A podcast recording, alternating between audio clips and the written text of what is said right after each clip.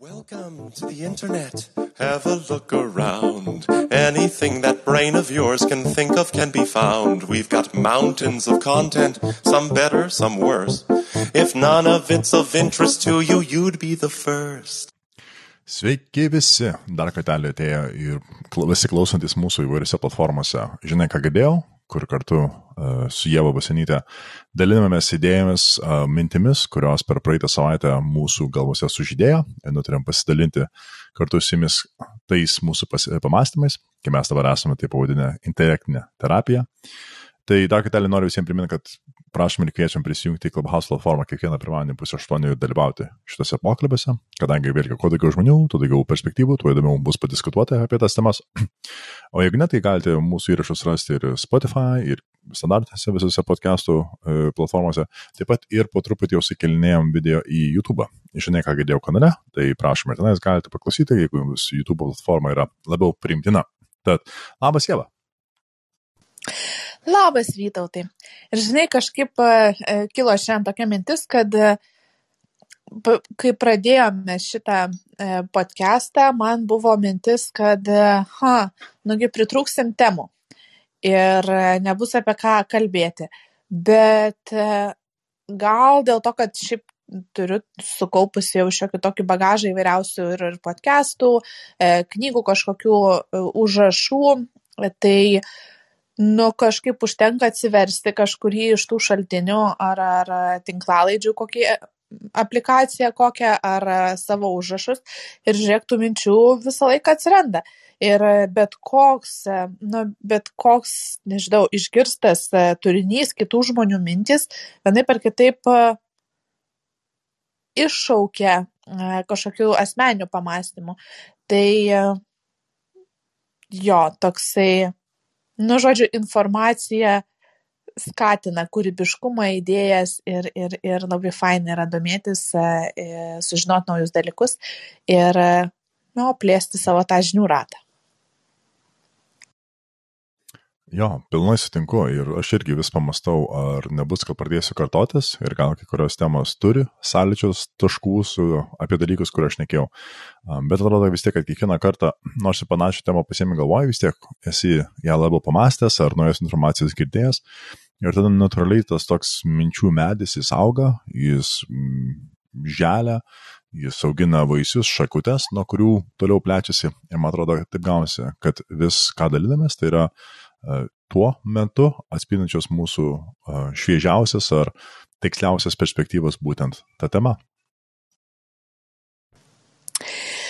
Nu ką, tai turbūt ilgai a, negaišę mes galim ir pradėti e, šio pirmadienio pasidalinimus ir šiandien pradeda Vytautas, e, tad tavęs ir klausiu, ką gero girdėjai, sužinojai šią savaitę.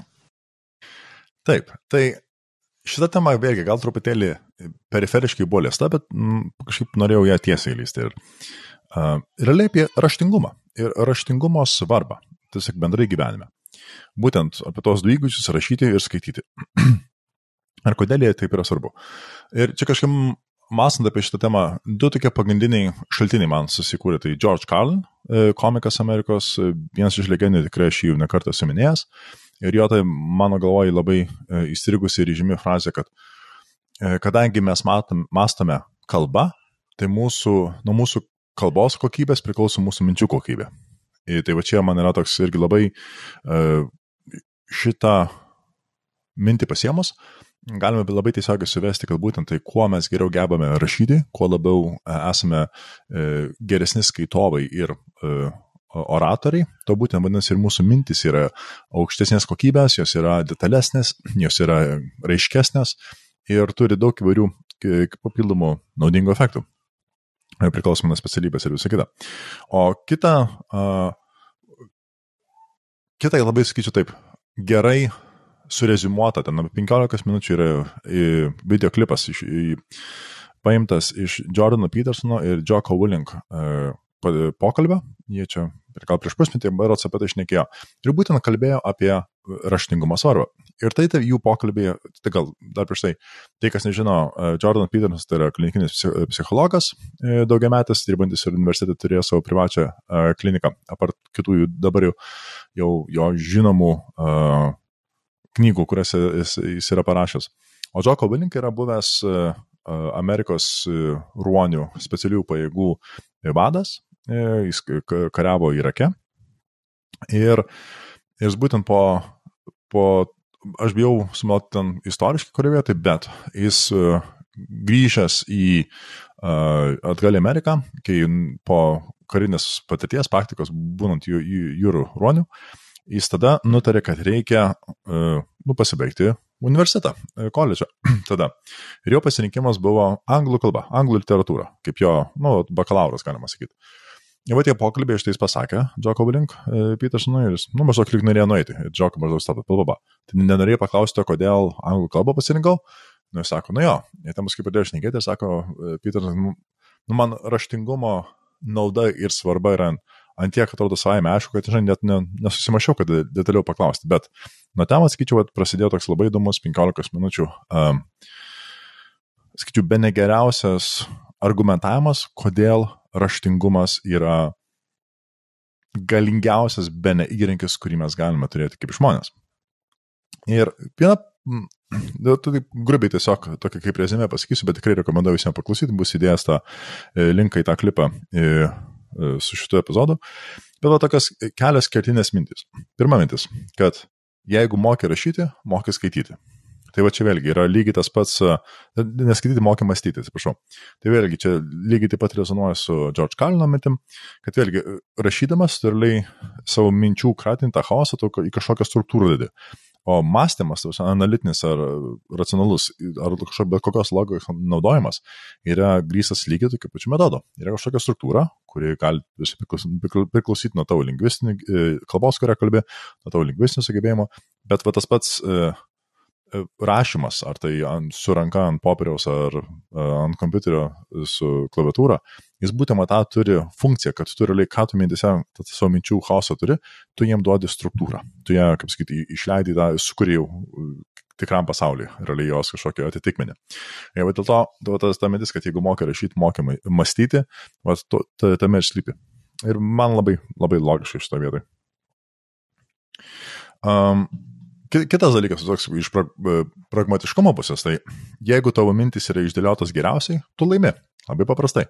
Ar tai yra mm, e, kažkoks rašomasis darbas, tai ar esi, ar postas, ar kaž, kažkas tokio, ar tai yra retoriškai, jeigu tu geriausiai moki išdėlioti savo mintis, tai labai didelė galimybė, kad ten tą kažkokį ar, ar pokalbį, ar diskusiją, ar debatą, ar argumentą laimėsi. Ir uh, Tai nesvarbu, ar tai yra kažkur santykiuose, ar tai yra darbe, ar tai žaidimuose, ar konkursuose, ar kur tai bebūtų. Tai bet, gebėjimas sudėlioti tas mintis taip gerai, kad tavo oponentas, tarkim, šioje vietoje nebeturi kuo atsikirsti, yra milžiniškas įrankis, kuris, manyčiau, tikrai suprantamas uh, jo, jo galės šitoje vietoje. Ir čia man labai patiko toks gretutinis komentaras buvo paliktas, kad diktatoriai kurie perima šalį. Ir realiai pirmą, ką daro, tai naikina raštingus žmonės. Nes, nes, nes pilnai suvokia, kad jie yra tie žmonės, kurie uh, būtent turi galę, turi tą įrankį su savo uh, rašytiniais darbais ar savo retorika, uh, būtent sudaužyti visą tą totalitarizmo ar diktatūros atneštą režimą. Čia elementariausias pavyzdys, jeigu mes mąstom Lietuvoje, tai mūsų buvusių piliečių trimimas į Sibirą, taigi pirmieji, kas buvo ištrimti ir buvo e, intelektuali visuomet, tai yra mokytojai, dėstytojai, profesoriai, bet tie žmonės, reiškia, kurie turėjo e, gebėjimą rašyti, dėlioti mintis ir vadinasi, šitų įrankių galėjo daryti įtaką visuomenė. Tai jie ir buvo patys pirmiausia ir išrinkti šitą vietą. Tai tikrai dera e, šitas mintis kartu. E, tada kita mintis seka šitą vietą, kad jeigu tu nesugebi žodžiu ar raštu iškomunikuoti aiškiai ir tiksliai, ko nori, tai kodėl tu tik tikiesi, kad žmonės tavęs klausysis, tave supras, palaikys ar leis elgtis kaip nori. Ir čia irgi kartu seka iš tos, kad um, aiškiai, geriausiai išdėliodamas savo mintis tu laimi, tai čia lygiai tas pats. Tuose, jeigu tu darbe e, sugebi savo vadui ar vadovui parašyti tiksliai ir aiškiai ir pagal tai, kaip suprastų, kodėl kažkoks ar ten įrangos nusipirkimas, ar mm, apmokymai, ar komandos praplėtimas, ar užduočių skirstimas būtų naudingas visiems, tarkim, ir, ir vadovai, ir tau, ir, ir tarkim, komandai, tai ir nepalieki vietos neiškumams, ne, nepalieki vietos misinterpretacijams. Ir aišku, ten jeigu nevyksta įvairūs jau asmeniniai žaidimai, bet realiai tu gali tada daryti labai tiesioginį įtaką savo tiesioginiai aplinkai. Šitas taip pat lygiai taip pat galioja ir santykiuose. Jeigu tu savo vyrio, žmonai, merginai ar e, berniokui, nesugalvoju kaip vaik, vaikinui, va, jėzau, um, nesugebi tiksliai ir aiškiai paaiškinti, ko tu nori, tai kodėl mm, viliesi ar tikėsi, kad tas žmogus skaitydamas mintis galės suprasti tai, ko tu nori. Mano nuomonė, geri, tikri, tvirti santykiai tarp dviejų žmonių, ypatingai artimi, turi būti pagristi komunikacija, o komunikacija taip pat irgi turi būti paprasta, turi būti aiški ir, tai, ir tie norai turi būti irgi aiškiai išsakomi ir tada jau galima kažkur įdėti į priekį. Tai man, man šitą mintis irgi labai patiko ir manyčiau, joje yra ypatingai daug tiesos. E, taip, toliau, kita mintis buvo, kad skaitydamas, čia jau perėjimas nuo rašybos į skaitymą, į skaitimo įgūdžio naudą, kad skaitydamas susipažįsti su pasauliu. Ir vadinasi, kad tada gaunasi, kad tu turi mažiau dalykų, kurie tave išmuša iš vėžių, net per savo asmeninės patirtis, kadangi jausi bent šiek tiek susipažinę su įvairiom situacijom. Na tai, čia tarkim, jeigu esi e, knygoje paskaitęs apie kaip toks dalykas egzistuoja kaip oro balionas, kad yra kažkoks krepšys, kažkoks didžiulis, tarkim, um, būtent audeklas ir dangui laikosi toks dalykas, Tai vienas su savo fantazija, aišku, niekada nematydamas tokio dalyko, tu gali nustepyti ar įsivaizduoti, kaip toks dalykas galėtų atrodyti, bet tada pamatęs realybėje, nors pirmą kartą oro balioną, tai iš tikrųjų tą sąsiją jau galėsi skurti. Tai esi, aš žinoma, nustebęs, bet jau kadangi jau buvai apie tai pafantazavęs, gal netiksliai, bet jau tu galėsi tą sąsiją daryti ir iš karto identifikuoti, kas tai yra. Uh, tai lygiai taip pat galioja, skaičiau, jeigu ten skaitant apie uh, irgi apie santykius, apie karą, apie istoriją, kas tai būtų, skaičiu, bet kokia, ir, ir fantasinės knygos, ir visos to turi, kad juose dažnai yra aprašomi žmonių išgyvenimai, yra aprašomi asmeniniai santykiai, yra problemos, kurias jums teko praeiti, ar tai asmeninės, ar e, aplink, iš aplinkos uždėtos neteisybė ir panašiai, ar tai finansinės, ar fizinės smurto, kas tai bebūtų. Bet realiai, jeigu bent jau kartą, net ir prie knygas baistos susipažinus, tai kai gyvenime tos negandas tave užpus, tai jau turėsi bent vieną pirmą trupinį E, kaip tą problemą galėtum spręsti. Ir tai yra labai galinga, lyginant su to, kad kai neturi jokio sprendimo, net nežinai, nuo kur pradėti situaciją. Tai vat, ir čia tiesiog siejasi su kita mitim, kad susipažinimas su situacija bent vieną kartą yra neapsakomai geriau negu nulis. Ir, ir daug, daug dalykų šitas tinka tikrai. Čia tame e, pokalbėje paduotas pavyzdys yra puzlės. Nu, mat, elementa, elementarios, ten, tarkim, kažkaip galvos kaip puzlės, kur, realiai, kol tu nesi nei kartų įsprendęs, tau tas sprendimas atrodo labai jau sudėtingas ir nežinai net kartais nuo ko pradėti ir bandai vienaip, kitaip, neišeina, frustruoji ir, ir kas tai būtų. Bet kai vieną kartą išsprendė, viskas, tu to sprendimo negali pamiršti, atrodo. Ir tada jau net ir norėdamas, ale, bandyti ignoruoti tą sprendimą, tu iš karto jų matai. Ir tai vadinasi, vien, tik vieno karto išsprendimas, ar vieno karto susipažinimas su situacija jau tau padeda e, ateityje labai tiesiogiai. E, tai man irgi šitas pavyzdys ypatingai patiko. Um, ir viena iš paskutinių minčių yra, kad mm, jeigu iš tikrųjų skantai intensyviai, Tai ta, labai stengiasi įsigilinti į tą visą pasaulį knygos. Ir kai būna kartais jaučiasi, kad skaitai tą knygą tu iš tikrųjų net ne raidės matai, bet, nu, kaip sakyt, kaip filmą žiūri ir tu, tu matai, kaip visas tas pasaulis juda prieš tai, atrodo, galėjau išgirsti, kaip ten lapai išnara medžių, girios ar kažkas tokio. Tu gali vos neužuosti, kaip ten, tarkim, koks nors ugnikalnis verda ar kas tai bebūtų. Tai o toks intensyvus skaitimas, ką leidžia? Tai iš tikrųjų tau susitapatinti su tos knygos autoriumi. Ir jeigu tai yra knygos, skaičiu net irgi, bet, bet kokio tipo, ar tai yra edukacinio pobūdžio, tai yra istorinės knygos, o tai yra uh, tas, tos pačios fantazijos knygos. O tas gebėjimas į susitapatį savo asmenybę su tos knygos pasauliu visu. Tai vadinasi, tu gali vėlgi pragyventi, negyvendamas, uh, neapsakoma kiekį patirčių. Ir dėl to, aišku, tai yra tikrai kli, klišė gal truputėlį frazė, kad knyga tai yra langas į kitą pasaulį, bet vat, iš tos pusės tai jis grinai va tokią e, funkciją ir prasme turi. Ir čia labai geras Jordan Peterson pavyzdys buvo, kad jis kaip skaitė vieną e, vadovėlį tenais e, apie neuropsichologiją, tikrai neatsimenu pavadinimą, bet realiai sako, nu ten yra didžiulė knyga, ją užtruko apie šešis mėnesius jam perskaityti, taip nuodugniai skaitant ta knyga turėjo 1800 citatų ir tai vadinasi, knygos autoris yra perskaitęs tas citatas ir, žinai, tą visą informaciją savo per 30 metų sudėjęs į šitą vadovėlį. Ir jis sugebėjo, nu, detaliai susikaupęs perskaityti per pusmetį. Ir sako, ant kiek tai yra neapsakomai gera dovana, kai tu galėjai žmogaus 20 ar 30 metų įdirbi per 6 mėnesius pasisavinti. Nu, Tai jau jeigu mąstant iš, vėlgi, edukacinės pusės, iš saviugdos pusės, iš um, pažinimo pasaulio, net, net nebūnant, uh, net fiziškai nebūnant tose vietose, o būtent skaitimo įgūdis šitokias uh, ypatingai naudingas funkcijas ir tau duoda.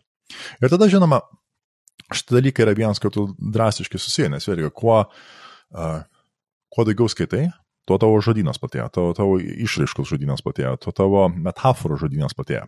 Ir tai vadinasi, kai ateina laikas išreikšti save retoriškai, vėlgi, tu jau turi tos įrankius, kurie pas tavęs susikaupia ir jais naudojasi. Ir, ir vat, kaip kitas bendras raštingumas, skaitimo ir rašymo įgūdžiai, tai yra tikrai. Um, nemelosiu, aš apie jų naudą kažkaip per vėlai, na, ne per laiką, vėlokai gyvenime uh, atradau. Skaičiau, aš galbūt nuodugniai pradėjau skaityti knygas tik tais 20, gal, nežinau, 23-24 būnant, vat, kai audio knygas atradau. E, ir tada pradėjau labiau uh, į, į kitas knygas gilintis. Ir čia kaip tik neseniai buvo šimtąją knygą perskaičiau savo, nu, perklausiau audio. Tai galvoju, o, geras, toks irgi mažas, fainas pasiekimas. Bet vat, su, su rašymu kažkaip man visą laiką tokia buvo irgi... Mm, psichologinis blokas, o kažkoks toks labai ir kritikas per didelis, atrodo, ką čia rašys iššūtus ir visą kitą. Bet vat, grįžus vat, prie to pokalbio ir tiesiog gal dar kartą, dar kartą išgirdus vat, šitus du tikrai um, aukšto intelektinio kalibro žmonės, taip aiškiai ir ryšliai ir galingai, net sakyčiau, e, išartikuliuojant, ant kiek yra svarbus ir rašymas, ir skaitimas, tai tiesiog atrodo tie visokie kažkokie asmeniniai kritikai, kurie galvoja yra, ir jų silpni argumentai, kurie stengiasi nugrumti e, norą ar pradžią tiesiog rašymo ar skaitimo, jie tiesiog tampa kaip šešėliai, e, kur tiesiog visiškai jokio, jokios jėgos neturi. Tad rezimuojant, gal nu, noriu pasakyti, kad tikrai ir, ir skatinu visus, ir nebijoti, ir pradėti, ir, o jeigu, jeigu esat skaitovai ir rašovai, tik tais gilinti šitą įgūdį, kadangi, um, sakyčiau, laikas ir energija, kuri investuota ūkdant skaitimo ir rašymo įgūdžius, jie atneša milžinišką naudą, gal ne šiandien, gal ne rytoj, bet ilgainiui, kuri, manyčiau, tiesiog jos neįmanoma net pasverti.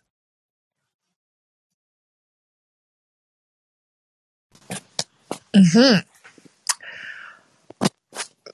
kilo visokių daug minčių, e, be, e, beklausant. E, ir man turbūt gal pirmas klausimas toks dėl, kas turima minty, sakant rašymą, ar ne, raš, ta prasme, jo, rašybos kokybė, ar, tarsi, ar čia eina kalba apie um, tai, kad žmogus praktikuoja savo mintis išreikšti raštu, ar čia eina kalba apie jo žodyno turtingumą, kas yra tas raštingumas raštu, ar tai yra rašybos kokybė, kaip jisai taisyklingai vartoja kalbą.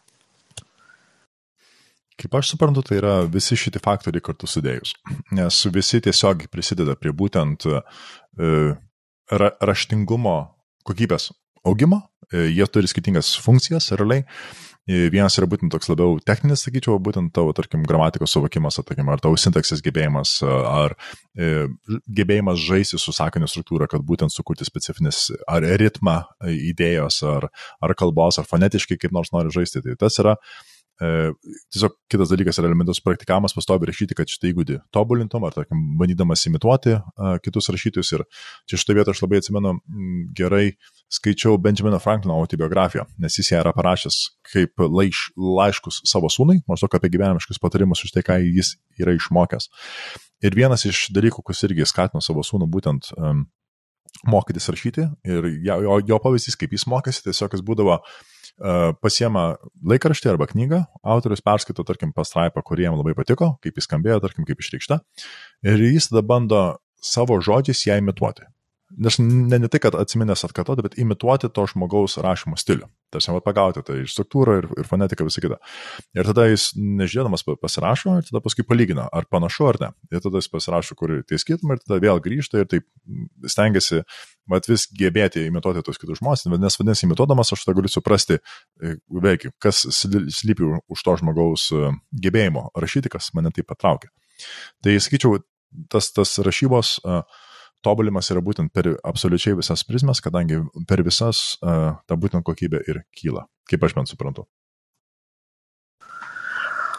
Mhm. Nu, tai kai yra, eina kalba apie imitavimą, va tas pavyzdys, kurį tu sakei su Franklinu, tai tarsi, na, tarsi lyg ir aišku, tu tobulini tokiu būdu savo gebėjimą išreikšti mintis žodžiu, tuo pačiu ir tas, nu, turėtų ir kūrybiškumą e, lavinti, nes tu e, bandydamas rašyti panašiai, kaip rašo kitas žmogus, tarsi perėmė jo uh, mąstymo būdą, pasaulyje žiūrą.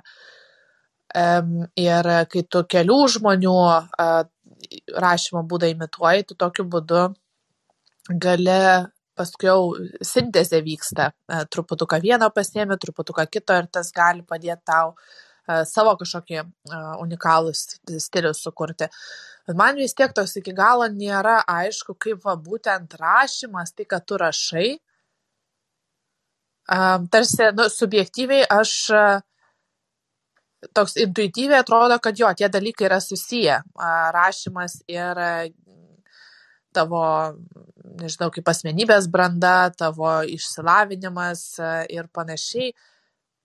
Bet mes turbūt nekalbam apie tai, kad nu, žmonės, kurie yra absoliučiai neraštingi, nes va, tu pats kalbėdamas apie save, kad tu e, tą raštingumą kaip po tokį įgūdį pradėjai tik tai 23 ar ten 4 metų e, lavinti, tai nu, neturėjai minti, kad tu 23 metų išmokai skaityti ir rašyti. Um, bet uh, mes kalbam apie tuos jau, nu, taip sakant, žmonės, kurie išsilavinę, tarsi turi išsilavinimą tą pagrindinį, bet vat giliau šitų įgūdžių nelavina. Tai man vat iki galo ir nu, neaišku, kaip tas gilesnis įgūdžio lavinimas rašymo yra susijęs su nu, tais dalykais, kuriuos tu išvardinai.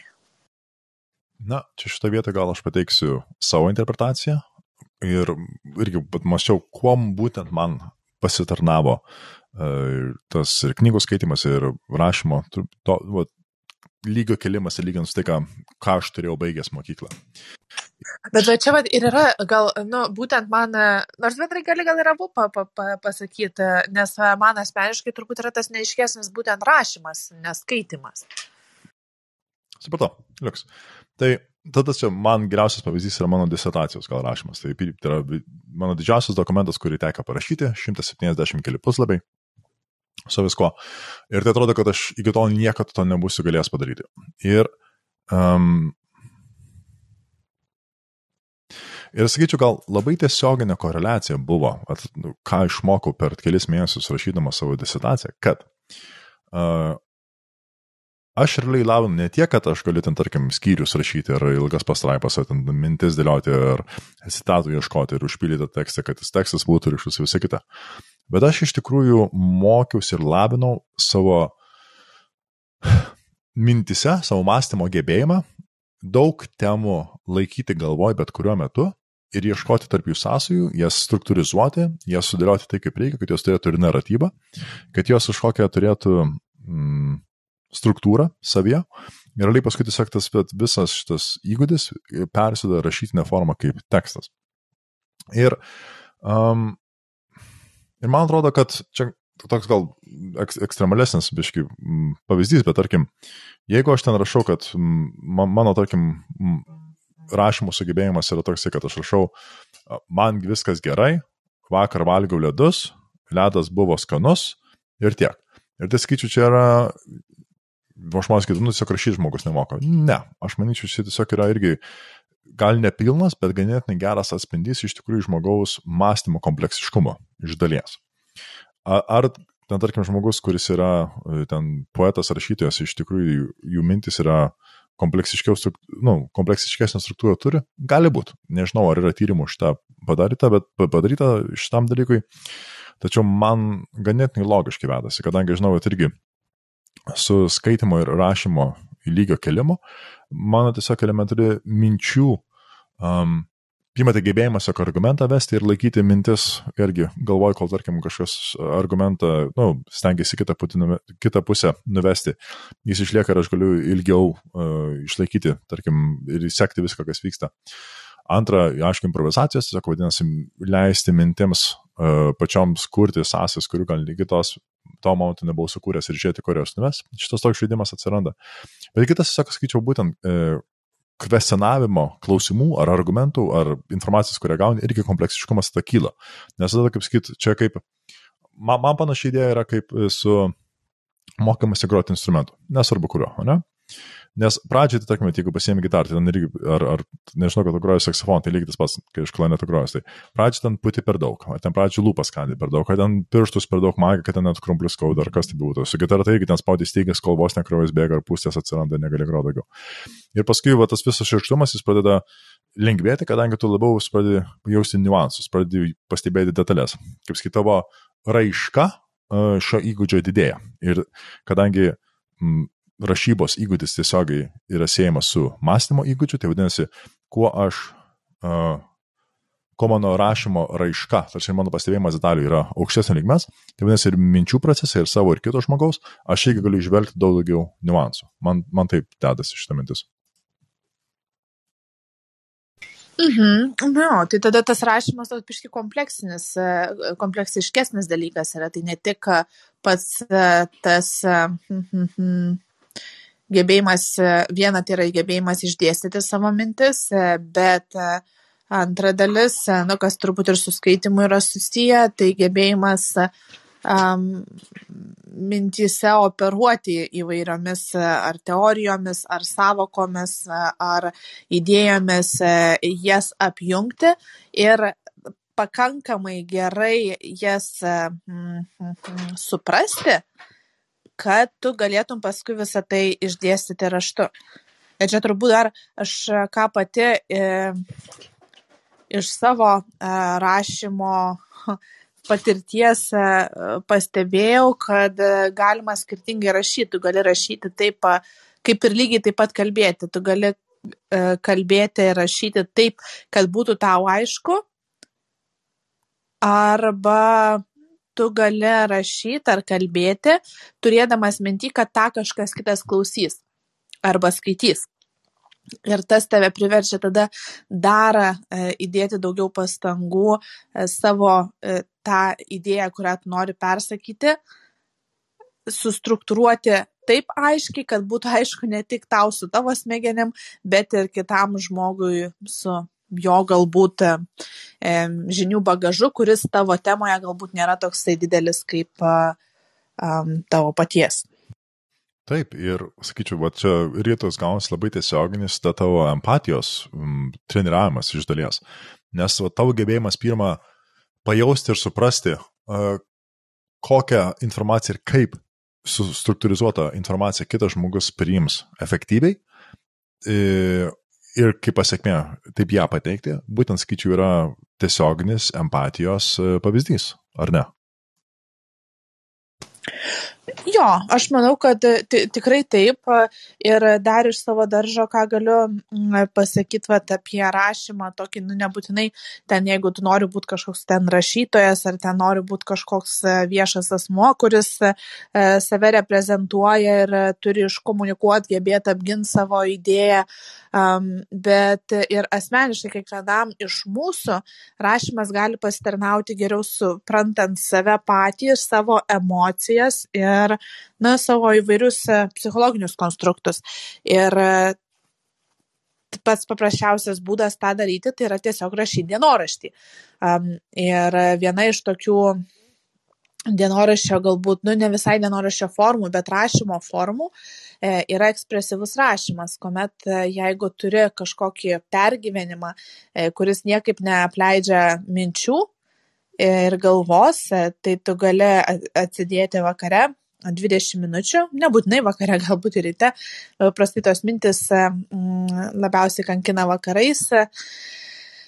Tai e, ir 20 minučių tiesiog rašyti viską, kas e, į galvą e, plaukia apie tą konkrečią temą, tą pergyvenimą. Ir aš pati tą tokiais atvejais taikau, net nenusistatau to laikmačio, bet kai kurie žmonės na, dažnai sustoja po kokių trijų minučių, kuomet vat, baigęs atrodo mintis. Bet tam ir yra tas 20 minučių terminas, kad tu vis tiek rašytum, net jeigu tos mintis yra nežinau, nežinau ką parašyti, kvaila užduotis ir panašiai, bet ilgainiui prasilauži ir, ir tos mintis prasilieja. Tai man tas labai padeda suprasti, kas vyksta, netgi atkapstyti savo kažkokius įsitikinimus, kurie man trukdo mm, susitvarkyti su viena ar kita problema. Tai va, tai čia e, tokia dar e, vienas, e, viena vieta, kur galima tą rašymo įgūdį um, tva, praktikuoti. Man dar gal, žinai, toks vienas, kur dar yra galbūt ar neiškumas, ar gal net ne visai sutikčiau, tai yra, kad rašybos kokybė, tai yra kaip tu gebi taisyklingai rašyti žodžius, ten kur tu uh, nosinės dėdė, ar ten uh, um, taisyklingai žodį parašai, netaisyklingai, kiek tas turi įtakos. Mane šiaip asmeniškai anksčiau dar labiau, dabar, um, na, gerokai mažiau erzindavo, kai žmonės rašydavo nelietuviškom raidėm. Nu, kažkaip galvoju, nu, negi taip sunku, uh, nežinau, iš pagarbos savo kalbai, um, naudoti tas lietuviškas raidės. Bet paskui kažkaip pastebėjau, kad atkreipiau dėmesį, kad keli e, iš mano aplinkos, artimos aplinkos žmo, žmonės e, nenaudoja lietuviškų raidžių, e, kai kur net ir klaidų daro, e, tokių, nu, atrodo labai elementarių, e, bet e, tas visiškai neturi jokios koreliacijos su jų e, intelektiniais gebėjimais ar e, emocinė branda ar e, apsiskaitimu ir panašiai. Tai va čia man toks, na, gal nesakyčiau, kad visai neturi tas įtakos, bet, nu, negalėčiau taip drąsiai teikti, bet turbūt yra, nu, nesakyčiau, kad tai nemoka rašyti, tai atsiliepia tas jo mm, va, tiems gebėjimams išreikšti savo mintis, jų apsiskaitimo lygių ir panašiai. Aš irgi esu masęs, ar gramatiškas tikslumas ar, sintaksė yra, kokia jos nauda ir svarba būtent šitoje vietoje. Ir ilgą laiką, ilgą laiką aš visą galvoju, kad irgi, dažnai, jeigu tu sugebėjai išreikšti pakankamai gerai, tai pakankamai gerai.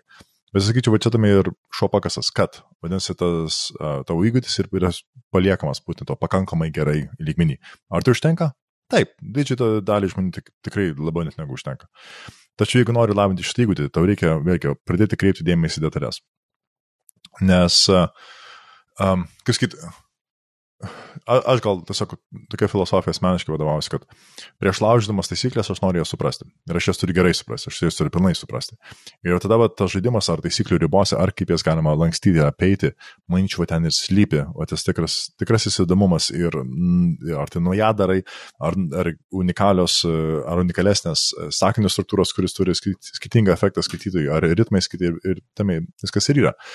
Tačiau viskas prasideda nuo, skaičiau, tos stiprios bazės, kurią tu turi ir, ir vėlgi, jeigu ten jeigu rašai su, su A raidė ne, negu su E, tai žinoma pasis koks skirtumas, bet, skaičiau, jeigu pradedi tikslingai lavinti šitą įgūdį, tai vadinasi, ta bazė turi būti taisyklinga, nuo kurios ir augini visą šitą. Ir skaičiu, man čia geras pavyzdys ypatingai yra dainuojantis komikai, tiesiog komikai, kurie rašo komiškas dainas, tai ar Tim Minchin, ar Bob Burnham, kuris pas mus intro dainuoja.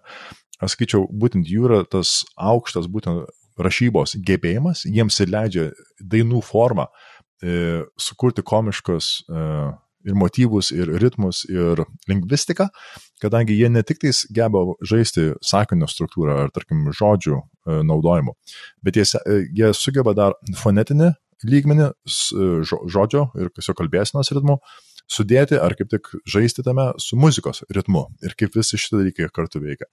Skaičiu, menčiant, tai ypatingai jis yra labai geras šito tokio žodžių lankstimo, gal jeigu taip galima įsireikšti meistras.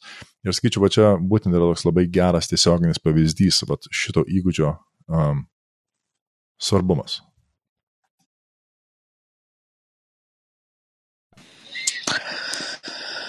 Hmm. Nu gal, turbūt.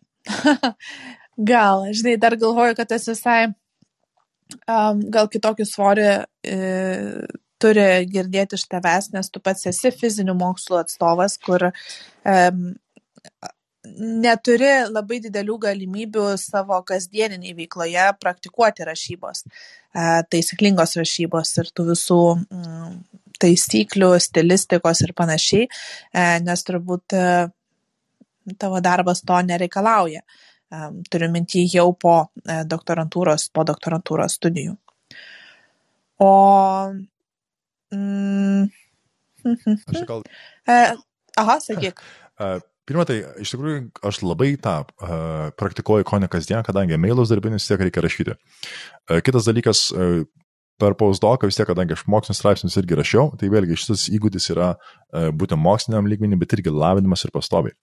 Ir, ir ten sakyčiau, Um, iš dalies šitam podcastui pasirašymas irgi yra, truputėlį aš tą, kai, na, nu, kai iš tikrųjų yra dėliojasi mintis, ir, ne, o ne tik improvizuoju, kaip dažnai darau, irgi labai tiesiog praktikuoju e, šitą įgūdį. Tad tas rašymas tikrai eina per visas prasmes. Ten norėjau dadėti, man tokia gera paralelė atsirado galvoje, kad, sakyčiau, mokymasis rašybos, ignoruojant gramatiką, tai tas pats, kas mokymasis vairuoti ir pažįstant tik pusę kelio ženklų. Nu taip, nuvažiuosi. Ta prasme, it's fine. Bet ar iš tikrųjų tu galėsi būti geresnių vairuotojų palaipsniui ir kaip pasiekmė tyčia nesimokydamas, ką pusė šinklų reiškia? Nu, kaip sakyt, atviras klausimas. nu jo, atviras klausimas, jo, turbūt. Turbūt. Hm. Būtų labai įdomu e, išgirsti nuomonę kieno nors, kas su tuo nesutinka ir mano mąsto visiškai priešingai. Um, tai jo, jo, nes aš turbūt šitoje vietoje jau nebeturiu labai vienareišmiškos nuomonės, ar, ar, ar tas, kiek tas yra svarbu e, rašyba. Nu, nes tavo argumentai man jie skamba logiškai, bet dėl to, kad aš e, pati turbūt e, labai panašiai mastu. Um, ir tada tos paskutinis dar klausimas tau, tai um, čia išduosiu, mes kalbėjom prieš šitą epizodą, kad uh, Vytautas šiandien ypatingai didelį dėmesį skyrė užrašams šito ruo, ruoždamasis būtent šitam savo pasisakymui. Tai vad klausimas tau, kaip tu ar jauti kažkokį skirtumą, kai šiandien to dėmesio skiriai daugiau lyginant su kitais epizodais, kai dažniausiai improvizuoju mintis, taip, nes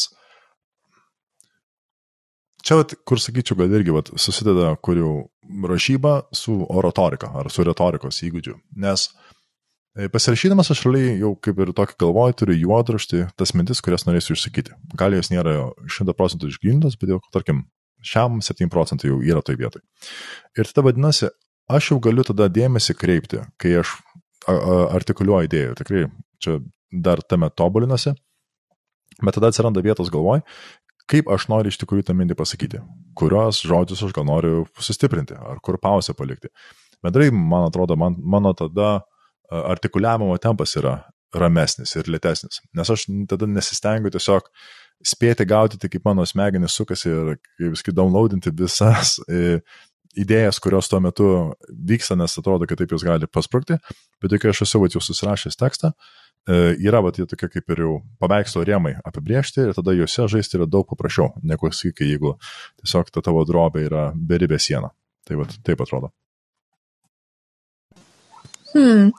Na, aš pati pastebėjau iš uh, savo pusės, kad kai pasiruošiu kažkokius užrašus ir punktus, e, ką sakysiu, tai tikrai man tada savo mintis, e, va, kaip ir tu sakai, pavyksta kur kas aiškiau ir struktūruočiau e, pateikti. Ir, na, atrodo, kad nu, man paskui pačiai maloniau klausyti to, ką aš neku, nes atrodo, kad mm, turėtų ir klausytojui būti aiškiau, kokią žinutę norėjau pateikti. Jo, pilnai sutinku. Tai va, na, gal užteks apie rašybą ir skaitybą.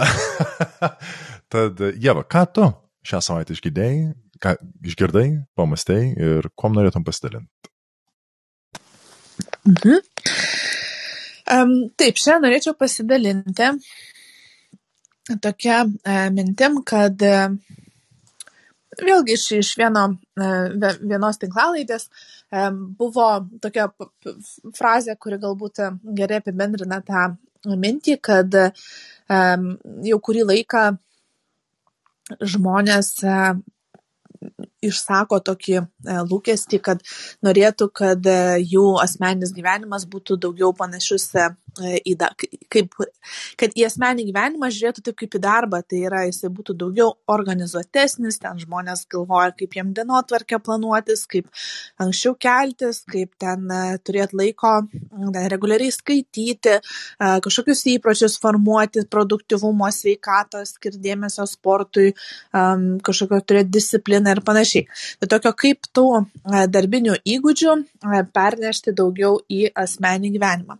Na, o dabar tarsi e, psichologai dirbantys organizacijose arba nebūtinai psichologai ir vadovai, lyderiai, jie kelia kitą klausimą, kaip į darbą įnešti tam tikrų dalykų, kurie būdingi labiau asmeniniam gyvenimui, kaip pavyzdžiui emocijas. Ir, ir, ir, ir taip sakant, um, kitas dalykas tom ir as, tarp kaip asmenio gyvenimo įnešti darbą, uh, tai vat eina temos apie gyvenimo ir asmenio gyvenimo ir darbo balansą ir visa tai susiveda į kitą um, frazę, tokią, kuri lietuviškai dėja nelabai gerai išsiverčia, angliškai neskamba work, take work less seriously. Tai kaip į darbą žiūrėti net, net taip rimtai, turbūt taip reiktų išversti. Ir mm,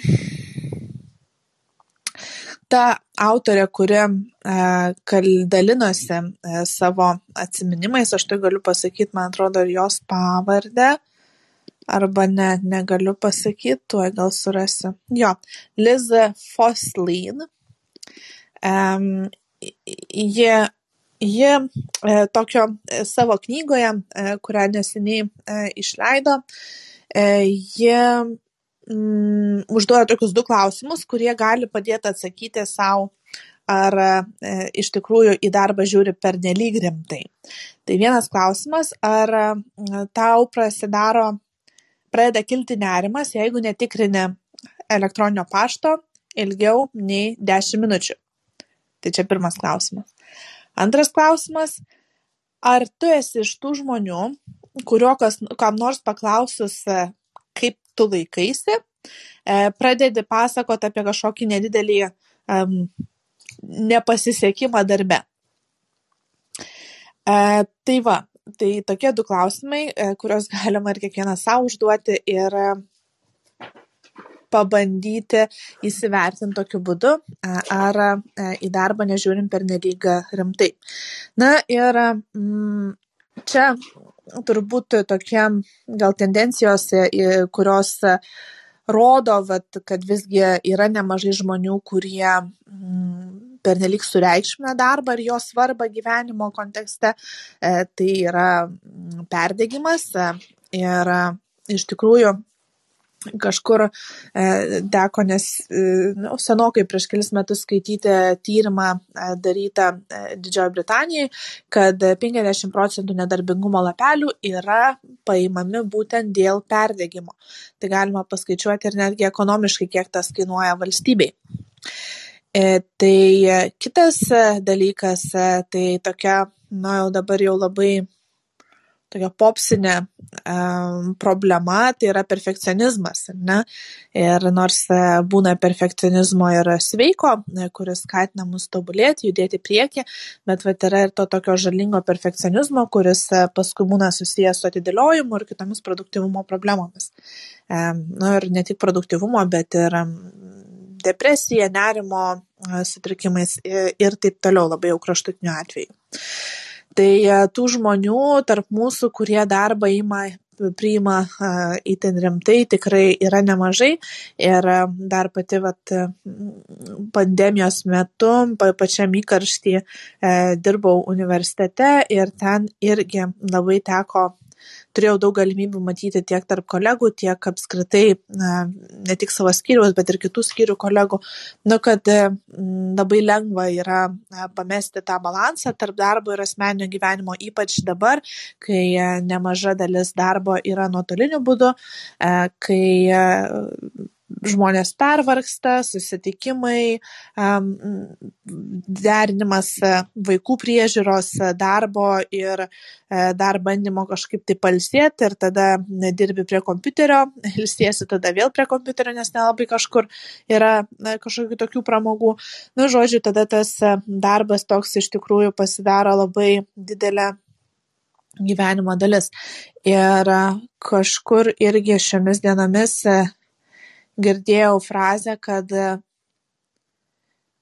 ai, gal viena e, draugė dalinosi, aišku, ne iš kažko kito išgirdo, kad ideali diena yra tada, e, kai 8 valandas mėgi, 8 valandas dirbi ir 8 valandas skiri savo e, laisvalaikiui, tam pačiam galbūt, na, maisto gamybai, rūpinimuose savo būtimi, bet grinai va tokio laiko savo tai va bet tą e, daug kam iš tikrųjų yra sunku išlaikyti. Na ir ta pati liz jinai tada dalinasi būdais kaip tą padaryti.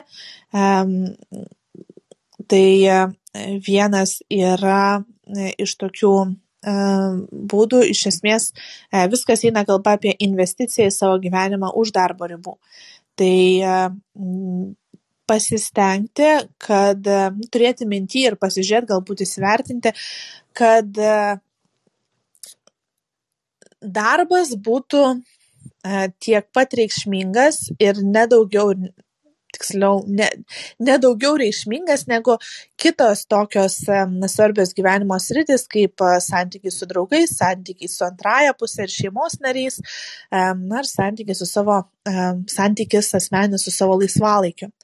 E, ir jeigu darbas ima viršų ir laisvalaikis neegzistuoja, antroji pusė pyksta arba vaikai pyksta, kad mamos ar tėčio nemato namuose e, ir hobis iš viso neaišku, kas čia yra ir čia paskutinį kartą burelius turėjai mokykloje, tai na, toks nu, galima savęs paklausti, kiek tai yra tas gyvenimas, kurio džiaugsiasi um, prie grabo lentos. Tai va, ir e, pati ta kalbėtoja, jinai pasakoja, kad jinai nusta, į savo darbo atvarkę įtraukia laiką su draugais. E, ir jos atveju tie draugai dažniausiai pas ją ateina, bet nes jinai nelabai mėgsta eiti kažkokius labai dėlius susibūrimus, bet vat, būtent tas toks nusistatymas, kad vat, E, šią savaitę aš tokiu ir tokiu metu susitinku su draugais e, ir tas laikas yra šventas, e, padeda jai to laiko savo skirti ir nepalikti, nepadaryti viso gyvenimo vien darbu. Kitas toks labai, manau, labai, labai, labai man asmeniškai irgi svarbus principas, e, kuriuos stengiuosi laikytis ir, na, turiu pripažinti, kad, pavyzdžiui, grįžus pas e, tėvus e, kartais to nepavyksta padaryti prie pietų stalo, tai yra padėti telefoną į šalį ir skirti visą dėmesį tiems žmonėms, su kuriais esi. Tai su, su būdama ir, ir tarp draugų kartais tenka matyti, ar pati išsitraukiu telefoną, jeigu tik tai kažkokia tylesnė pauzė E, įsivyrauja e, arba šiaip ten su kažkuo dar šalia susirašinėji, e, tai žodžiu, toks žinai, nei su žmogum, su kuriuo susirašinėjai pilnai būni, nei būni su tais draugais, kurie gyvi prieš tave sėdė. Kas prieš 20 metų būtų buvę neįsivaizduojama, kad tu E, sėdi su draugais, pavyzdžiui, ir tada dar kalbėsi telefonu prie to paties stalo e, su kitais kažkur esančiais draugais. Nu, dabar technologijos jau tą leidžia daryti. Tai va tokia vien ta taisyklė, kad e, vienu metu darau ir bendrauju tik tai su tai žmonėmis, su kuriais, kurie yra čia, jinai labai labai pakelia kokybę paties bendravimo, pasitenkinimo draugų mumis E, ir sumažina tą nuovargį, nes iš tikrųjų multitaskingas daugiaveika, kaip kalbininkai e, lietuvių e, verčia tą savoką, jinai vargina iš tikrųjų, nes mes vienu metu turim bandyti ir klausyti, ir skaityti, ir galvoti, ką atsakyti. Iš tikrųjų, smegenim krūvis yra didelis.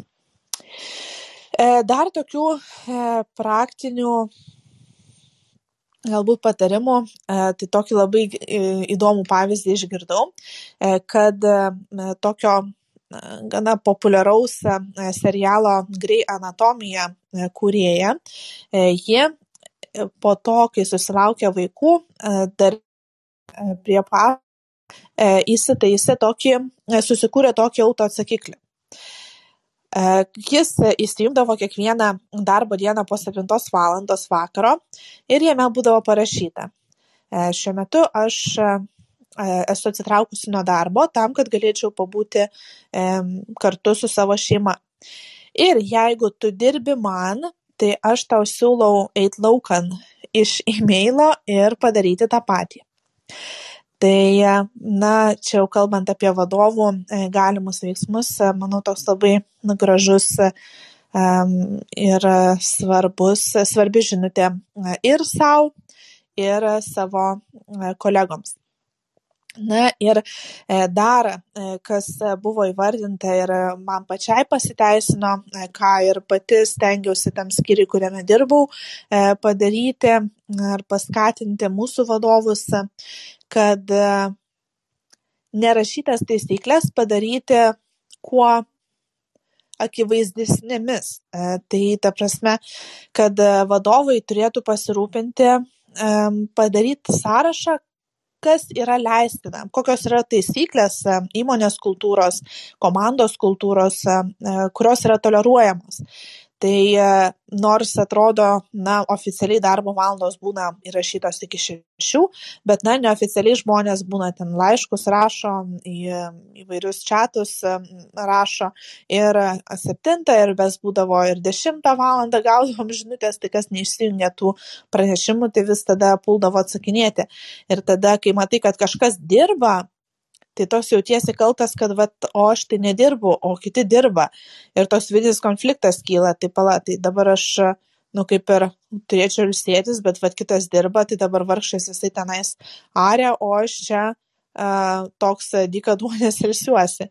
Um, ir kadangi pavyzdžiui pas mus ofise dar būdavo žmonės kurie turėdavo skirtingas darbo valandas ir pavyzdžiui studentai kurie dirbdavo tai jie e, tikrai nu jų jie dirbdavo vakarais ir jie turėdavo valandinį įkainį tai tada tie kurie turėdavo etatinį darbą nu tokio vat vis tiek jausdavo tą tokį spaudimą dirbti belenkada e, tai tos nerašytos taisyklės kad tu neprivalai atsakyti po darbo yra vienas viena iš tokių e, priemonių. E, kitas e, dalykas e, tai susitarti, kad savaitgaliais, jeigu kas nors rašo laišką, tai jį uždėtų jo išsiuntimo laiką uždėtų pirmadienį, tam, kad žmonės, kurie galbūt ar pamiršo įsi, išsijungti pranešimus, ar galbūt yra perfekcionistai ir užklys į paštą, pasaugot tų silpnavalių sveikatą ir tuos laiškus išsiųsti patį pirmadienį, jau kai vėl prasideda darbas. Na, žodžiu, daugiau tokių taisyklių pagalvoti, kas yra toleruotina, kad ir, pavyzdžiui, pertraukos tarp susitikimų, nes yra absurdas, kai susitikimai e, per nuotolinės priemonės vyksta po dvi, po tris valandas e, be jokių pertvarkų, tai tas labai ir kokybė to antros pusės susitikimo labai būna menka, e, na ir patys, manau, žmonės tikrai pavargsta. Tai padarytas pertraukas, jų laikytis yra irgi labai svarbu. Ir paskutinis patarimas vadovams. Ir ne tik vadovas, aš manau, čia kiekvienam žmogui dirbančiam, e, tai labai labai rimtai žiūrėti į atostogas. Ir jeigu yra atostogos, tai visiems išdidžiai praneši, kad važiuoja atostogauti ir pasitikė savo komandą, kad jie susitvarkys ir kad jo, nieko neatsitiks, jeigu tu tenais kažko e, neatsakysi. Tai čia klaus buvo irgi man labai įstrigęs mano buvusios vadovės vyro um, pavyzdys, kai sako, aš į telefono skambučius neatsakinėju patį pirmą kartą, kai man skambina, e, dėl to, kad pastebėjau, kad neretai po dviejų valandų ar po valandos paskambinus ir paklausus, koks klausimas, sulaukdavau atsakymo, na, tai aš jau išsprendžiau šitą problemą. Tiesą sakant, man šiandien taip įvyko. Aš e, bandžiau valandą laiko išsiaiškinti, kaip man įjungti savo kompiuterį, kuris e, nužlūžo ir man klaviatūra neveikė, negalėjau slaptažodžio suvesti. Visai ten ir googlinau, ir visokias kombinacijas bandžiau, niekaip man nepavyko reiko visą valandą to sutvarkyti. Galiausiai neištvėrusi parašiau savo e, office, nu, taip kaip čia, ofiso koordinatoriui, e, kuris sakė, kad visai gerai su tais kompiuteriais susitvarko ir sakau, vad kaip čia man išspręsti šitą problemą, gal žinai, ir jisai man neatrašė ir mane tada nervas paėmė, nes man vis tiek dirbti reikia. ir dar truputuką paguglinau ir praėjo 3 minutės radau atsakymą ir mano atsakymas jam po 3 minučių nuo ankstesnės žinutės buvo, nu tai jau nebereikia problemos sprendimą. Tai va, tai žmonės tas problemas išsprendžia, kai neturi kur dėtis. Um, ir va, ir žinai čia dar tada man e, visą tą beklausant ir manau, kad tikrai e, bus žmonių, kurie ir dabar vat klauso ir e, jiems kilsta mintis. Nu tai gerai, visus šitos dalykus jau girdėjau, žinau, bet tai kodėl tada aš to nedarau? Ir net pati, ta pati kalbėtoja e, tinklalaidės metu pripažino, kad e, jai savo patarimų yra pakankamai sunku laikytis. Ir va šitas man klausimas irgi toks kilo, mm, kodėl žmonės e, nesilaiko tų patarimų, nors ir žino, kad vienus ar kitus dalykus yra daryti blogai. Ir čia aš gal turiu savo tokį um, atsakymą, jisai atėjo vienam iš tokių pokalbių praeitą savaitgalį, mm, kai viena draugė e, skundėsi, kaip yra pervargusi ir e, labai, labai, na, iš tikrųjų, neatsakingas pareigas užima vadovaujančias, e, nauja jauna įmonė, tenka daug dirbti ir už daug žmonių dirbti, viską sukoordinuoti, nuolatos telefonas rankose ir tikrai po daugiau nei 10 minučių be telefono išbūti yra sunku, nes viskas nors kažkam, kažką parašo, paklausia ir panašiai.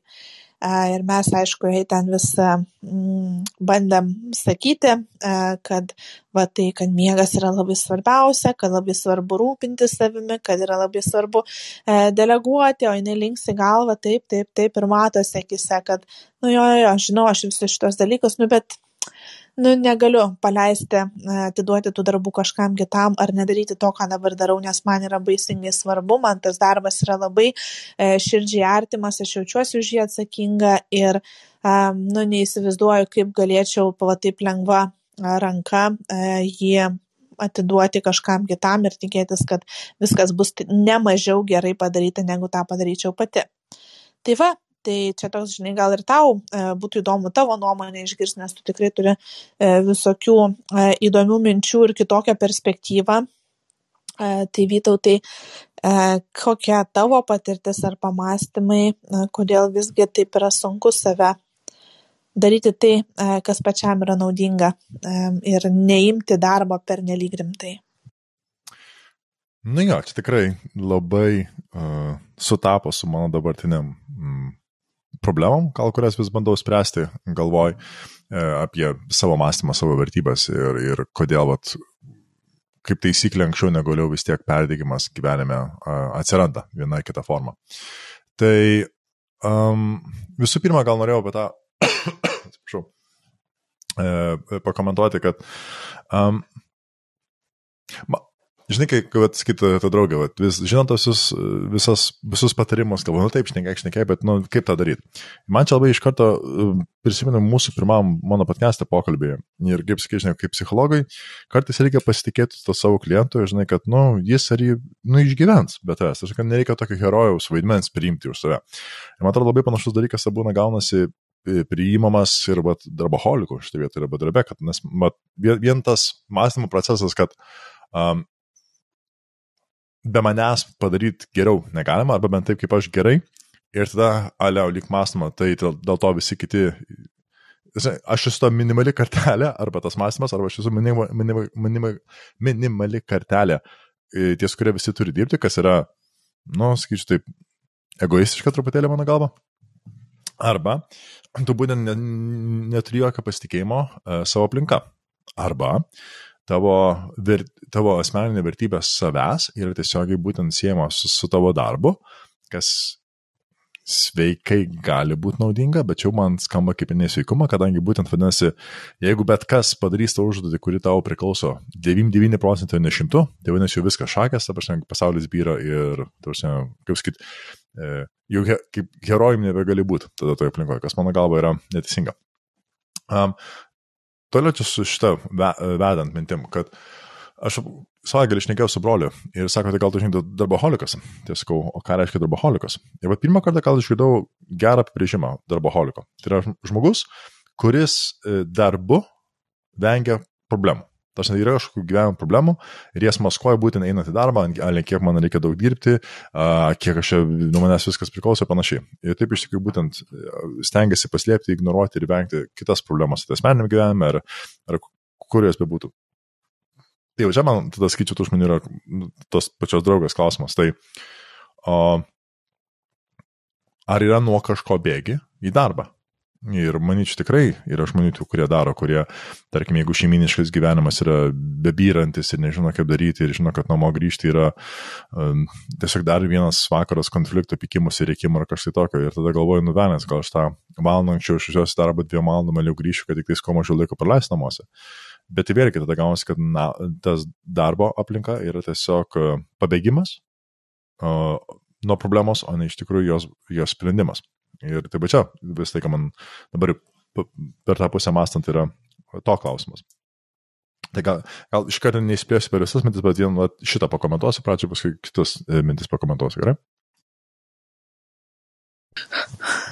Mm, nu, kadangi žinau uh, tą draugę ir maždaug jos kontekstą, tai žinau, kad tikrai ne tas variantas, uh, kad uh, nuo, nuo kažkokio šeimos bėga, bet, uh, nu, iš kitos pusės, kadangi pati irgi esu iš tų ultra, e, dabar jau šiek tiek mažiau, bet ultra veiklių žmonių, tai e, jo e, darbas jisai padeda, e, nu, jis yra paprasta, ne, ne, vieniem tai yra darbas, kitiem tai yra um, kažkoks ten valgymas, tretiems tai yra kompiuteriniai galbūt žaidimai, e, ketvirtiems tūsai vakarėliai, e, nu, žodžiu, kažką, ką darai labai labai, nu, labai daug laiko skiria. E, ir neretai e, būna priimtinas būdas e, išvengti tų dalykų, kurie yra galbūt mažiau suprantami ir e, kur mažiau žinai, kaip tvarkyti su tom problemomis.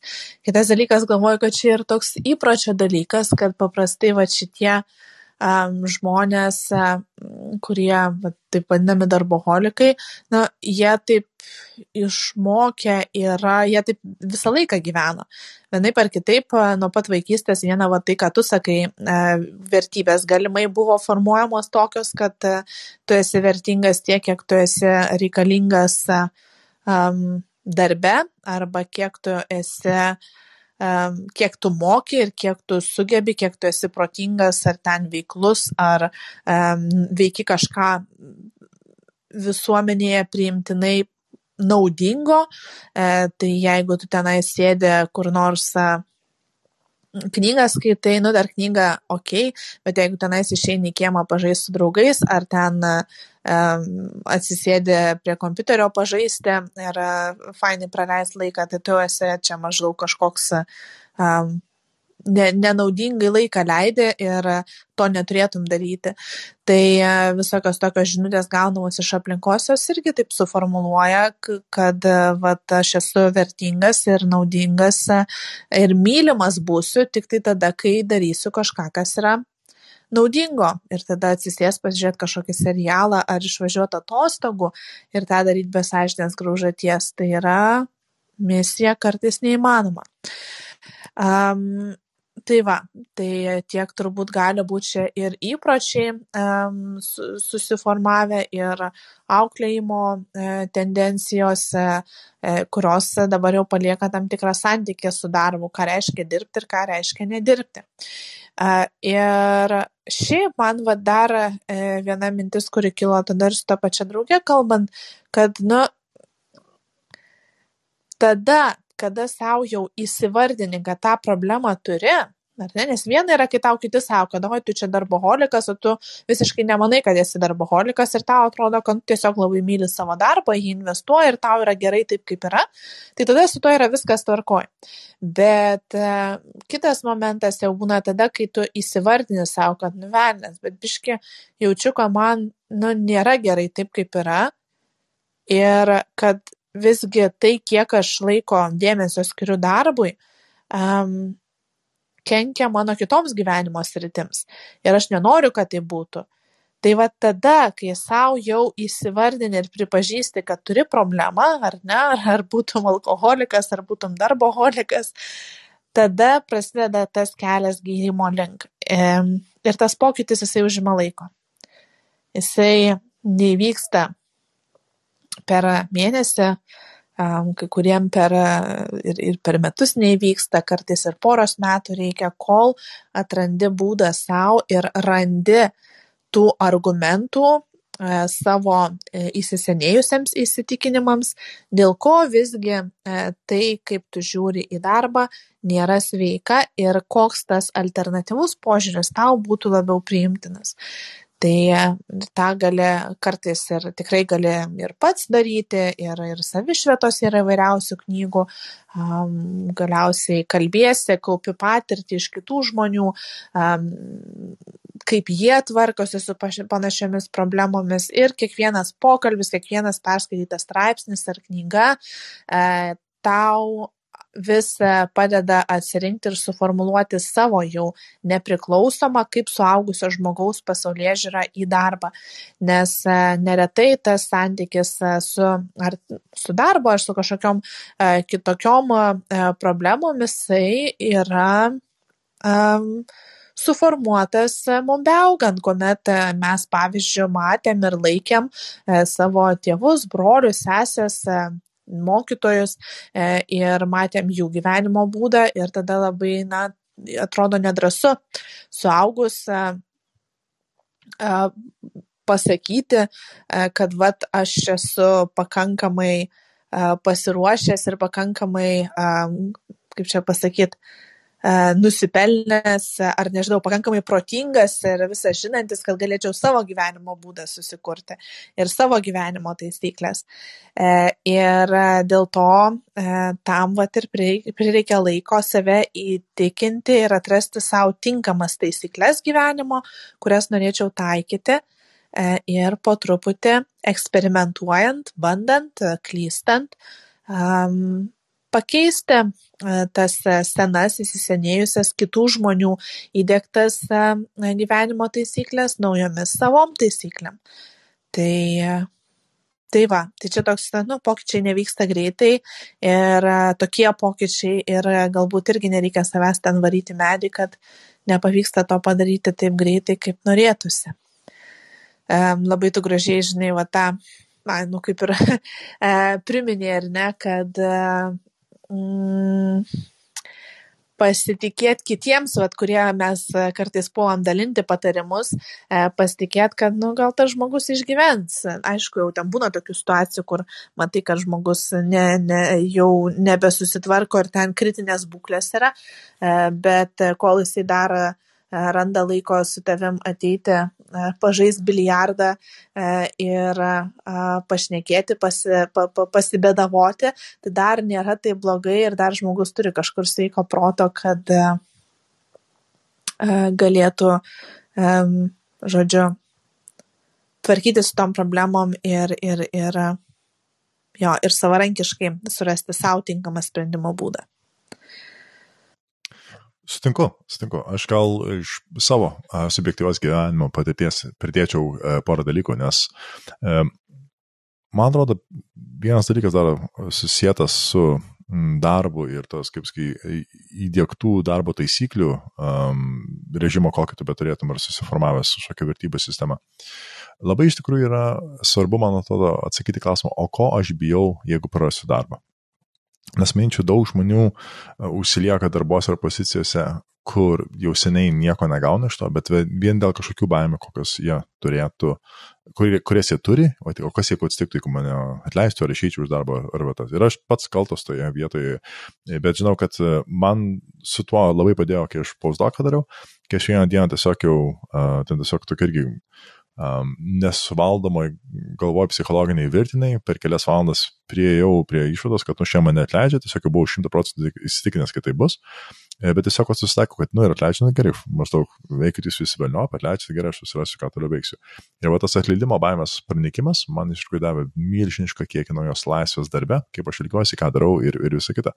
Tai čia toks irgi, vat, manyčiau, tą reikia irgi atkreipti dėmesį ko bijai. Ir jeigu bijai būti atleistas, tai skaičiau, reikia, kad būtum atleistas. Jeigu ten bijai išėti, arba išėk iš darbo. Tarsi, tai aišku, pasirinkti tada, kad tai yra strategiškai logiška, bet ne, neuždelsk. Ir tiesiog per tą procesą praeiti. Suprasti, kad ypatingai šiais laikais, kada mes gyvename turtingoje visuomenėje, kada yra didžiulė darbų laisvė, e, kad kaip pragyventi tikrai bus, o ar rasi kažką geriau, nemaža galimybė, kad taip. Tai skaičiu šitas dalykas.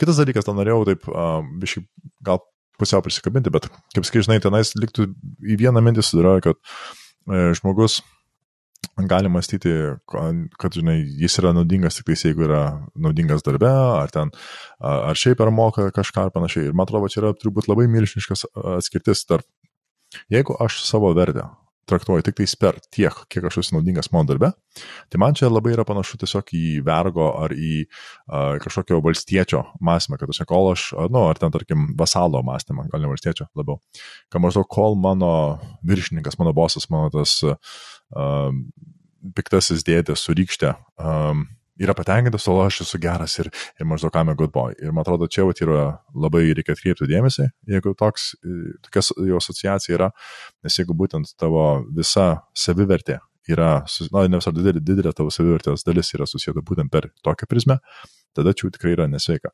O jeigu, tarsi, kad darbas yra tiesiog kaip ir būdas, kur tu um, pritaikai dalykus, kuriuos tu mokaisi, kuriuos tu ūkdai, e, savo įgūdžius ten tu pritaikai ir ištestuoji ir žiūri, kokį feedbacką gauni. Ir tu, tu tą darbą būtent naudoji kaip įrankį um, um, ir realiai prasitestuoti, kur tu dabar esi gyvenime ir kur, kur gali dėti priekį, mano galvo, čia yra daug sveikesnis santykis ir va šitą reikėtų atskirti. Nes tada da, darbas labiau būtent žiūrimas kaip žaidimas, kaip įrankis, kaip, mm, kaip jeigu ten žaidimo kažkokia įmant analogija būtų, tai turnyras, kuriame kiekvieną dieną pasirodo ir tarsi pasižiūri, kaip, kas vyksta. Bet čia mano galva yra sveikesnis būdas, bet čia atskirtis mano galva yra ganėtinai, ganėtinai svarbi.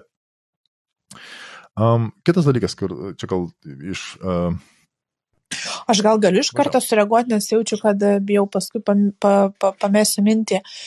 Um, kad va čia turbūt atsiranda ta antra tai, tai, ką tu sakai, kur darbas ten kaip, kaip, kaip iššūkis, kaip kažkoks asmenio ten progreso sėkimas ir panašiai, kad tada yra viskas ok. Bet va čia yra antra rizikos grupė, nes tu prieš tai vardinai tuos žmonės, kurie ten bijo prarasti darbą ir um, tos baimės ten skatina per, persidirbti. Bet yra ir kita dalis žmonių, kuriem patinka jų darbas antiek, kad e, jie nu, nebėra ribų um, gyvenime. Nu, tarsi, tada tu darbui, jis, kaip sako, e, čia yra tamsioji pusė uh, įstikinimo, kad uh, padaryk savo hobį darbu ir tau niekada nereikės dirbti. Ar kažkaip taip tas e, pasakymas skamba. Nu ne visai, tada tu dirbsi 24 valandas per parą, nes tau visą laiką bus įdomu, rūpės ir panašiai. Ir va ši čia tada irgi, nu tu ten e, gulė ligoniniai nuo um, infarkto, ir vis tiek prašai leisti tau pasimti kompiuterį, nes turi tenais kažkokiam svarbiam projektui pasiruošti. Tai ši čia irgi gali būti pavojinga. Ne tik tada, kai tu nemėgsti, neginti savo darbo ir vis tiek dirbi. Sutinku, čia yra svarbus niuansas šitoje vietoje. Um, bet Hmm. Kad tokių žmonių egzistuoja, tai faktas, um, bet tam man turbūt nesu su tokiu žmogum tada aš nekeisis. Turbūt yra, gal ten artimiausias išimtis būtų žmonių, kurie turi savo verslą ir kurie atrodo apie savo verslą, pastovi galvoja ir tas sukasi, bet manyčiau ir jau tikrai įmara atostogas ir visą kitą. Tai um, kažkokį tą balansą sugeba rasti ir tos vertybės kažkaip susidėliausi, kad atsvertų tą uh, per didelį tokį um, atsidavimą, gal to kažkaip vienai e, funkcijai. Bet iš kitos pusės irgi reikia suprasti, kad, žinai, e, tokių, kabutėse, per daug atsidavusių žmonių irgi reikia, e, kadangi kai kurie iš jų bus tie revoliucionieriai savo sričių, ar tai moksle, ar versle, ar kur tai bebūtų, kurie ir privers visuomenę eiti į priekį. Ir kol, aišku, tai yra management, na, žinai, tai yra suvaldoma iš jų gyvenimo pusės, tai man atrodo, um, reikia suprasti, kad yra tas top 1 procentas 1 procento ir, kaip sakyt, kudos sudėm, bet, na, nu, bet, sakyčiau, kaip ir sakyčiau, būtų labiau išimtis, o ne, ne taisyklė to vietoje. Bet taip, čia, čia kaip sakyt, tu, tu teisingai pasakai, kad tą reikia irgi gebėti atskirti šitą. Um, čia man prie, prie šitų visų temų labai e, priminė e, knyga, yra Cal Newport ją parašęs, yra vadinasi Deep Work. Ir ten realiai yra mintis, kad e, realiai tu paskiriamas dvi valandas per dieną e, laiko, kuris yra visiškai tiesiog um, be jokių trikdžių, tai yra ten be jokių interneto, be jokių notifikationų, bet ten kažkas suėjantis į tavo ofisą ar kas tai būtų, tu gali daug daugiau produktyvesnio ir gilesnio darbo atlikti, negu 8 valandas vat, kažką vis besiblaškydamas vadinamas daryti. Ir ten ta knyga, aišku, labai įtaigi ir jis pats yra pritaikęs savo gyvenime ir labai logiškai ir mokslinis darbais grįsta. Ir čia tuo pačiu remiasi ta dešimties, kurio dešimties tūkstančių valandų taisyklė, to pačio knygoje šitą pati idėja yra e, pristatyta, kad realiai meistras savo srities per dieną, jeigu jau yra atkalęs, tarkim, daug metų tą dalyką praktikuoja, jis ar jį gali irgi tik praleisti, berots, ten buvo maksimaliai 3,5 valandos ar iki 4 valandų per parą dirbant ant to vieno dalyko, o minimaliai, taip sakant, pastebėta tyrimuose, kad žmonės, iki, nu, netreniravę iš to deep work įgūdžio 2 valandas per parą gali praleisti būtent 100 procentų susikoncentravę į tą dalyką, kuriame, nu, reikia to, kaip vadinamo, to gilaus darbo, kur gali kūrybinis, gali analitiškas, tas sintezuojamas vadinamas. Ir kas toma tada, jeigu šitos abi knygos yra tai teisingos, tada veda link to, kad mūsų 8 valandų darbo diena biški tokia yra butaforija sukurta, kur yra, jeigu iš tikrųjų mes norime sukurti didžiulę pridėtinę vertę ir efektyviai, realiai vos nenori sukurti aplinką žmogui, kad jis va tą deep worką galėtų susikurti ar būtų sukurtos tos aplinkos ir va, per tas 2, 3 ar 4 valandas per parą, ar tai tarkim būtų 12 valandų per savaitę, ar tarkim iki 20, tas žmogus realiai gali būti dirbti daug daugiau, daug didesnio būtent impact e, turimo darbo, negu tiesiog kurio pastovi trikdžiai. Ir čia man irgi labai primena tiesiog tą tokį, uh, pas mus vis dar yra, ir matau pastovi, žinai, žmonės ateina į darbą, nedirbti, o tiesiog kažkaip pasidėti prie kompo ar aplinkoje pabūti, kad maždaug kad imituoti tą darbą, kad maždaug jeigu aš jau esu ofise, tai ale dirbu. Ir tai darbas ir iš tikrųjų buvimas ofise yra du skirtingi dalykai, bet skaičiau, dar trečias yra tas deep work, jeigu iš tikrųjų tu gali tą gilų, susikaupus intensyvų darbą atlikti, ką vėlgi menininkai dažnai daro, meistrai, amatininkai.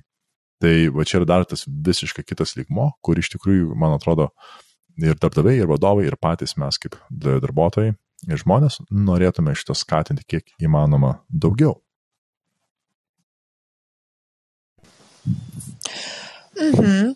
Nu, aš apie sutinku dėl tų 8 valandų darbo dienos, nes aš pati turbūt va taip maksimaliai produktyvi būnu kažkur apie kokias 3 valandas dienoje, o visas kitas laikas tai tos būna paskirstytas tarp darbo ir bandymo susikoncentruoti į darbą.